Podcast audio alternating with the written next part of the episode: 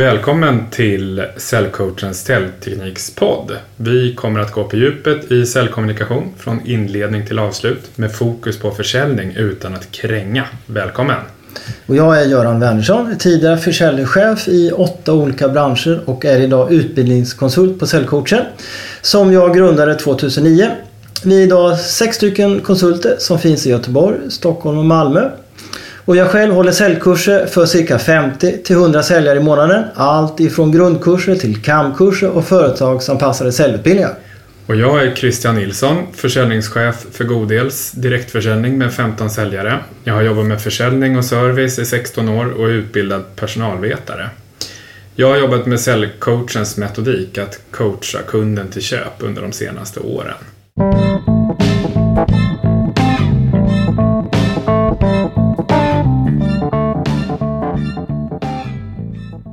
Det här avsnittet handlar om intervjufrågor. Alltså att ställa frågor och få svar så att vi säljare kan göra presentationer anpassat efter kundens intressen och kunskapsnivå. Många säljare håller i stort sett alltid samma presentationer vid alla typer av kundmöten. Speciellt vid nyförsäljning och speciellt då vid första mötet. Oavsett om det är via telefon eller ett personligt möte. Och det är faktiskt ett problem och samtidigt en stor möjlighet till förbättring och utveckling av den egna säljtekniken. Göran, hur går ett personligt säljmöte till generellt sett? Och då tänker jag oavsett om man säljer produkter eller tjänster. Alltså generellt sett så, så, så ja, oavsett bransch så brukar de flesta säljare försöka vara lite personliga i början. Mm. Eh, man kan också eventuellt börja med att ställa lite behovsfrågor och sen kör man sin presentation och sen går man på avslut. Mm. Så, så, nästan alltid är det så. Först personligt, presentation och avslut. Mm. Och när det gäller den personliga delen då försöker man prata lite väder och vind, parkering och så vidare för att känna att vi får kontakt. Mm. Och det vill alla säljare ha. Vi, vi, vi connectar liksom. Och sedan kommer presentationen och den ser i stort sett alltid ut eh, på samma sätt för alla. Mm. I den mån man har en presentation. Mm. Och sedan så går man avslutningsvis på avsluten som man också tycker är svårt. Mm. Men det ska vi inte prata så mycket om idag. Men det är så här strukturen generellt ser ut och jag skulle tro att det gör det 90 procent av alla säljare även om man har jobbat som säljare i 20-30 år. Just det här med personligt, jag får ju ofta sådana samtal ja. Själv eh, i min roll då. Mm. Eh, och en vanlig grej är ju att den som ringer frågar hur läget är. Ja. och det tycker jag känns så här, om man inte känner varandra, varför undrar du det? Ja. Och det är en sån här fråga jag aldrig frågar någon. Nej. Inte ens de jag känner. Och då är det mest, men då tänker du på telefon ja? Ja, exakt. Ja. Första kontakten. Mm. Eh, mm. En variant på det här upplägget är ju att vi säljare brukar vara ganska tidiga med att ställa behovsfrågor. Eh, men vad är det som är fel med det? Vad är själva problemet med att hålla samma presentation för alla? Ja, som du sa här. Eh, eh, att, att vi säljer, att problemet med att, att ställa samma, eller att hålla samma presentation för alla mm. är att den kan bli på för hög nivå, för låg nivå. Mm. Och då skapar man inget intresse. Nej. Och, den andra varianten som du inledde med här, att, att man börjar ställa behovsfrågor, det är samma sak där, att man kan ställa dem på fel nivå. Mm. Och har vi inte lyckats få någon bra kontakt eh, riktigt så kanske inte jag vill svara på de frågorna på en gång heller. Eh, och ändå så gör jag skulle tro att de flesta säljare gör faktiskt på det här sättet. För det är så man tror att man ska göra. Mm.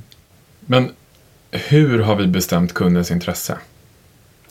Ja, många gånger eh, så, så, har vi faktiskt skickat en agenda i förväg eh, som vi, och då bestämmer vi vad vi ska prata om och vilken ordning. Mm. Och eh, då har vi inte frågat vad kunden är intresserad av och vad de vill höra och vad de tycker är viktigt överhuvudtaget. Nej. Eh, men många stolta känner, säljare känner sig väldigt stolt över att faktiskt ha gjort en agenda i förväg. Ja, många, man känner väl att man har den här strukturen då? Så. Ja, men man känner att man har den strukturen. Men då i slutändan så kommer man att bete sig som en krängar i och med att vi säger samma sak till alla. Mm. Kan du inte du förklara varför det är fel? Ja, men det som är fel är ju då att, att vi, i och med att vi inte tar reda på vad kunden, den personen har för kunskaper framför oss. Mm. Så blir det på antingen en för hög eller låg nivå eller att kunden inte alls är intresserad av det vi ska börja prata om. Mm. Och en, en, en klassiker är ju verkligen att man börjar prata om det egna företaget kanske både 5, 10, 15 minuter. Mm. När man är på sin höjd intresserad 30-40 sekunder kanske. Mm. Och, och problemet blir att eh, kunden inte får något alls intresse. Man saknar eh, eller man får ingen delaktighet överhuvudtaget. Nej, precis. Men okej, du pratar ju om kundens kunskapsnivå. Varför tycker vi som säljare med en coachande säljteknik att det är viktigt att ta reda på kundens kunskap och erfarenheter när man presenterar sina produkter eller tjänster? Ja, men det som är eh, viktigt är ju att man gör en kort presentation som skapar intresse, som skapar förtroende. Mm. Och det innebär också att vi, alla presentationer kan faktiskt se helt olika ut beroende på hur kunden svarar. Mm. Och då gör vi kunden delaktig på en gång genom att, ta reda på vad de kan och eh, vad de vill. Mm. Och, och, och det här avsnittet handlar om problematiken med att, eh, att, att jämt säga samma presentation. Det är just det att den man träffar kommer helt andra tankar och gör massor med olika saker som inte har med mötet att göra överhuvudtaget. Mm. Men om man börjar att ställa behovsfrågor som många av oss säljare gör istället för att gå på presentationen på en gång, vad händer då? Ja, det är egentligen stort sett samma typ av problem. Och du kan ställa för tekniska frågor, för initierade frågor eh, som kunden kanske inte vill svara på eller kanske inte ens kan svara på. Eller så kan det bli för banala, för enkla frågor. Mm. Så det är samma grundproblematik som att börja med presentation eller att börja ställa behovsfrågor. Ja. Och det, och det är ett stort problem. Eh, Som jag sa inledningsvis så säkert 90% av alla säljare gör det. Mm. Men vad är det som är fel med att göra så här, eh, Göran? Att, det vill säga att göra samma presentation för alla. Ja, men bilden av en säljare eh, Eh, har av sin egen roll att man ska göra sin förutbestämda presentation. Och ju bättre man kan den, desto bättre känns ofta själva mötet. Och då pratar jag om för säljaren själv. Och lyckas vi också skapa en, en sån här personlig pratstund om eh, sånt som inte har någon relevans alls till mötet så brukar det också kännas bättre på något sätt. Ja. Men, men vad är fel med det? Eller vad är själva problemet med att göra så? Ja, men för det första då är det vi som säljare som har bestämt i vilken ordning vi ska göra vår presentation utan att fråga vad kunden är intresserad av. Och, det är, och vi håller samma för alla oavsett vilken kunskapsnivå kunden har. Ja, jag förstår. Så det är ungefär som att jag skulle prata på samma sätt med min fru som med mina barn. Ja men precis, för det, det kan bli högt, det kan bli lågt och då blir det mer eller mindre intressant eller ointressant. Så det, det är absolut eh, precis så kan man säga. Ja, det är en bra beskrivning. Men tycker inte vi säljare att det är skönt att vara förberedd med i princip då ett manus till, till vår presentation? Jo, och många gånger kan det vara bra att ha manus och ett struktur. Men det blir fortfarande vi säljare som bestämmer vad kunden ska få höra. De kanske börjar i en annan ordning. Eller om de inte hör om vissa saker överhuvudtaget för de är inte intresserade av eller kanske inte kan någonting om och inte förstår någonting av heller då. Och ett vanligt fel är att, att vi pratar alldeles för länge till exempel om vårt företag. Vissa kan prata både 5 och 10 minuter när kunden kanske bara på sin höjd vill höra 30-40 sekunder. Men det här med behovsfrågor, det, det skulle jag bara vilja att vi pratar lite mer om. Ja, men det är också ganska vanligt att man börjar ställa behovsfrågor istället för att gå på presentationen på en gång. För då känner ju vi säljare att ah, okej, men nu, nu tar jag ju verkligen reda på vilket behov kunden har och då kanske jag kan anpassa min, min presentation efter kundens behov. Ja. Men problematiken där är att, att vi kan ställa behovsfrågorna på fel sätt. För, på för hög nivå, för låg nivå. Och det är inte ens säkert att kunden vill börja prata om sina behov på en gång och öppna upp oss. Och speciellt inte om det är via telefon. Nej.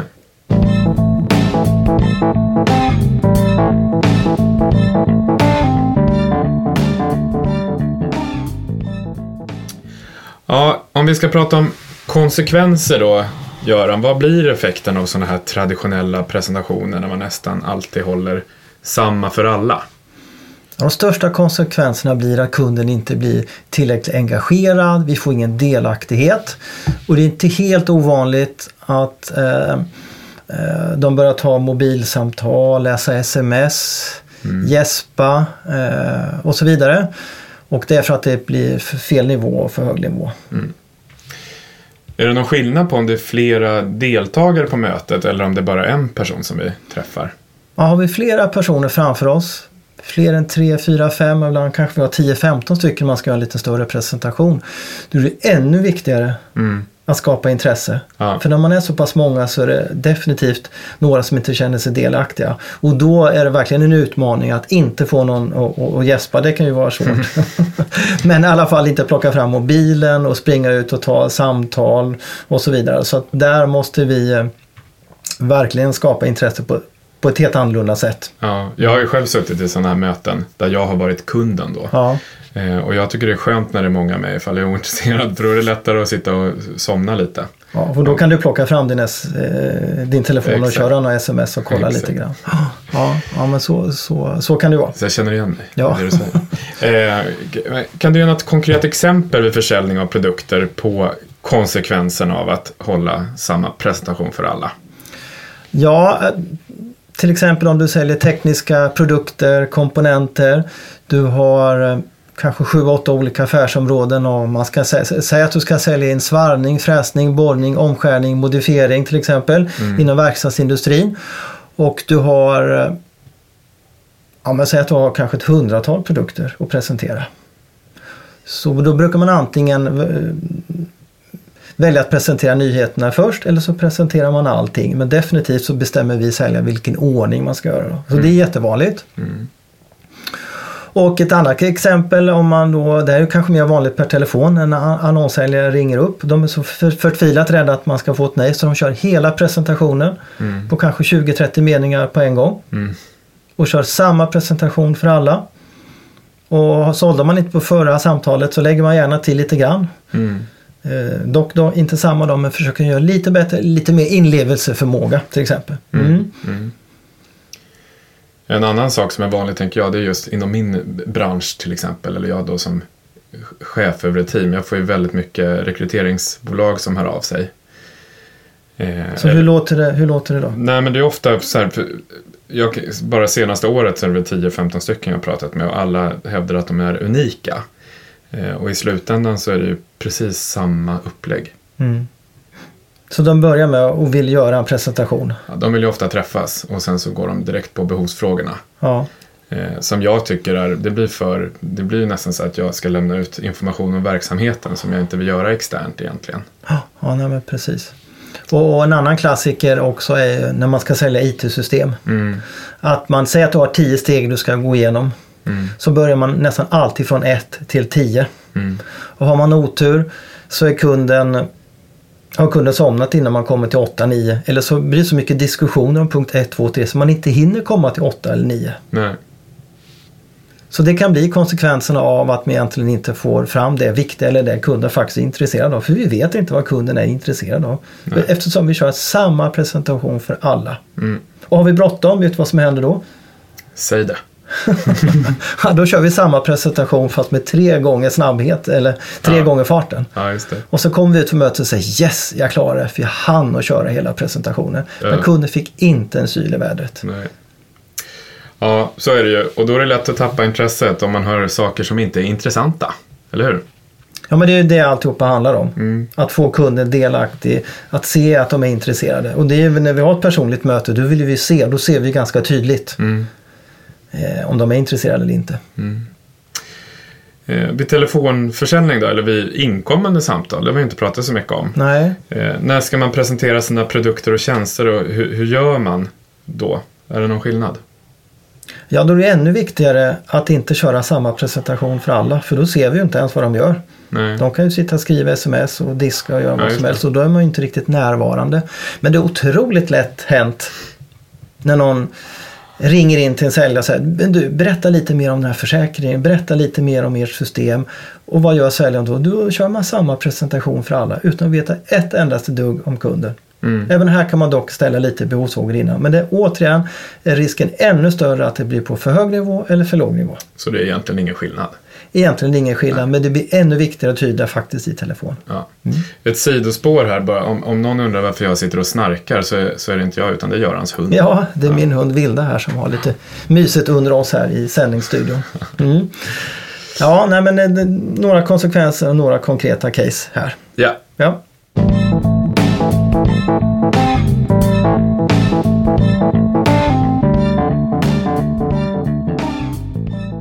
Ja, och nu till hur vi som säljare med hjälp av intervjufrågor ska göra för att kunna presentera produkter och tjänster anpassat då efter kundens intresse och kunskapsnivå. Eh, syftet är såklart att få fler och snabbare avslut. Vid intervjufrågor är det viktigt att inte ställa behovsfrågor och det här brukar vara svårt eftersom behovsfrågorna ofta sitter i ryggmärgen på säljare. Och det vi ska göra är att intervjua utan att ställa behovsfrågor. Men vi ska inte ställa frågorna bara för frågornas skull utan vi ska ha nytta av svaren.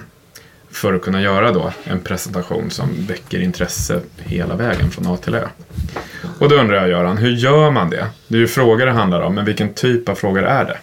Ja, och det är inte jag som suckar här nu om ni hör det. Det är fortfarande min hund där som rör lite på sig. Men hur man ska göra är att, att vi ska tänka som en journalist. Vi ska ställa frågor. Och som du sa, frågor som vi har nytta av. Och vi brukar in dem i, dela in dem i fyra områden och vi kommer gå igenom två här idag. Mm. Och den första delen är förväntningar och viktigt. Vad tycker kunden är viktigt och vilka förväntningar har man? Mm. Och hur kan en förväntningsfråga låta? Har du något exempel? Ja, men om, om vi tar ett eh, försäljning av ett IT-system och vi har ett till tio steg som vi ska presentera. Mm. Så kan vi ställa frågan, utav de här tio stegen, vad är viktigt för er? Vilka förväntningar har ni? Vilken ordning vill ni börja? Mm. Och vi kan faktiskt också fråga, vilka förväntningar, vad vill ni få ut av mötet? Vad tycker ni är viktigt? Mm. Och det är en otrolig bekräftelse. Mm. Och kunden, vi gör kunden delaktig otroligt snabbt genom att ställa den frågan. Mm. Ja. Och vilken nytta får vi då som säljare av, av svaret vi får från kunden? ja, men vi får otroligt stor nytta av, eh, av frågorna, eller av svaren ska jag säga. Eh, genom att vi vet vilken ordning vi ska börja i och har kunden väldigt många förväntningar så vet vi också att de är ganska kunniga i, i ämnet i fråga. Mm. Eh, men många gånger kan det faktiskt vara så att, att kunden har inga större förväntningar. Nej. Och då kan man undra vad har man för nytta av svaren då? Jo, men ännu mer nytta. Mm. För då måste vi få ut ett svar av, för då är risken större att vi pratar om fel saker när de inte kan specificera dem. Nej. Så då får vi hjälpa dem lite på traven och fråga, är det här intressant? Är det här intressant? Mm. Just det. Så det gäller att vara skarp i sinnet. Ja, nej men eh, alltså förväntningarna är, och speciellt om, om vi skulle träffa på en inköpare. Mm. Eh, De uppskattar otroligt den här frågan. Mm. Så de kan styra mötet istället för att höra samma harang och presentation av alla leverantörer. Ja. Men ska man alltid börja med förväntningarna? Alltså det viktigaste med förväntningsfrågor, ibland kan det låta lite avigt att börja med dem. Ja. Och det gäller att formulera dem på sånt sätt att det känns bra för mig som säljare att säga dem. Och att det låter bra när man säger dem också. Men det viktigaste är att man ska göra dem innan man gör sin presentation. Mm. Och när under mötet ska man göra det? Det är ju egentligen som jag sa, alltså innan behovsfrågorna. Men ibland så kan man faktiskt börja med dem. Mm. Och i de fallen man ska börja med dem där man har väldigt, väldigt ont om tid. Eller om du möter någon person som är liksom ganska tuff och rak och attityd och så vidare. Som kanske säger, okej vad har du att komma med? Mm. Och då kan man säga, men du innan jag presenterar vad vi har och komma med, kan inte du berätta vad, vilka förväntningar och vad vill du höra så kan vi se om vi kan leva upp till det. Mm. Och det blir faktiskt otroligt bra start. Mm. Mm. Så det här är förväntningar och viktigt då. Den andra, det fanns fyra delar, vi skulle gå igenom två. Ja, Och den andra delen vi går igenom då är kunskap och erfarenheter ser jag här på en post-it. ja precis. Och det är ju det eh, som vi har pratat mycket om för att Mm. kunna göra en bra presentation. Och, och, och här kan man utan tvekan få iväg en 5, 6, 7, ibland 8, 9 frågor om kundens kunskap och erfarenhet. Mm. Och, eh, och det spelar oftast ingen roll om det är produkter eller tjänster eller via telefon heller. Speciellt vid inkommande samtal. Och hur kan man formulera dem då? Ja, men det, det är ganska lätt att formulera dem tycker jag. Eh, och, och, de första frågorna är egentligen att fråga hur ser ditt jobb ut idag? Vilken befattning har du? Mm. Hur länge har du varit här? Vad har du gjort tidigare i din roll eh, som, som arbetsledare eller som chef? Mm. Vilken arbetsbefattning hade du då? Mm. Och jag är ute efter att ta reda på om den personen som sitter framför mig, om den har kunskap om våra produkter och tjänster som vi säljer. Mm. Om den personen aktivt har jobbat med systemet eller om de bara använt i slutändan. Eller man bara ser rapporten utav det. Jag vill veta på vilken nivå de är. Mm. Varför är det så viktigt? Ja, men det är ju då för att kunna anpassa presentationen för att skapa intresse på en gång. Mm. För om vi har en tekniskt kunnig person eller en erfaren person framför oss och vi börjar på låg nivå, då åker telefonen fram och smsen och Mm. annat. Mm. Hur stor är risken att vissa kunder kan ta illa upp? Den är egentligen ganska liten. Mm. Eh, att ställa en fråga vilka förväntningar man har på mötet, om man ställer den och formulerar på rätt sätt så blir det en otrolig bekräftelse. Mm. Och vi får kunden att vakna till. Mm. Ifrån dagistankar, annat, eh, sms, roliga fredagskvällsnöjen, träningar etc. Vi får dem att tänka med hjälp av den här frågan. Mm. Mm. Men varför gör inte alla säljare så här redan idag? Alltså, det vill säga då ta reda på vad kunden redan kan. Ja, bilden av en säljare är att vi ska dit och Mm. hålla vår presentation. Och i och med att vi håller samma presentationer för alla Mm. så finns det inte ens den i tankevärlden att vi ska ställa frågan vad de vill lyssna om för det har ju vi redan bestämt. Mm.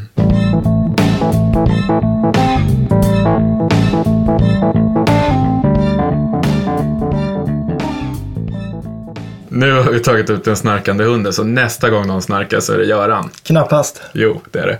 Men Göran, utan att snarka nu, ska vi sammanfatta det här i tre tips? Tre tips. Mm. Eh, ställ alltid förväntningar till kunden innan ni gör presentationen och innan behovsfrågorna. Tips nummer ett. Mm. Tips nummer två. Mm. Ta reda på kundens kunskapsnivå om era produkter och tjänster innan ni gör presentationen. Och tips nummer tre. Förbered dessa frågor i ett manus. Skriv ner dem. Och visa gärna kunden och säga här har jag förberett några frågor eh, som jag vill stä- ställa till dig, till er innan jag gör min presentation. Är det okej? Ja. Härligt, som man säger på tyska. Ja, Tack för den här gången och hoppas ni vill lyssna igen. Ha det gott. tack och hej! Hej!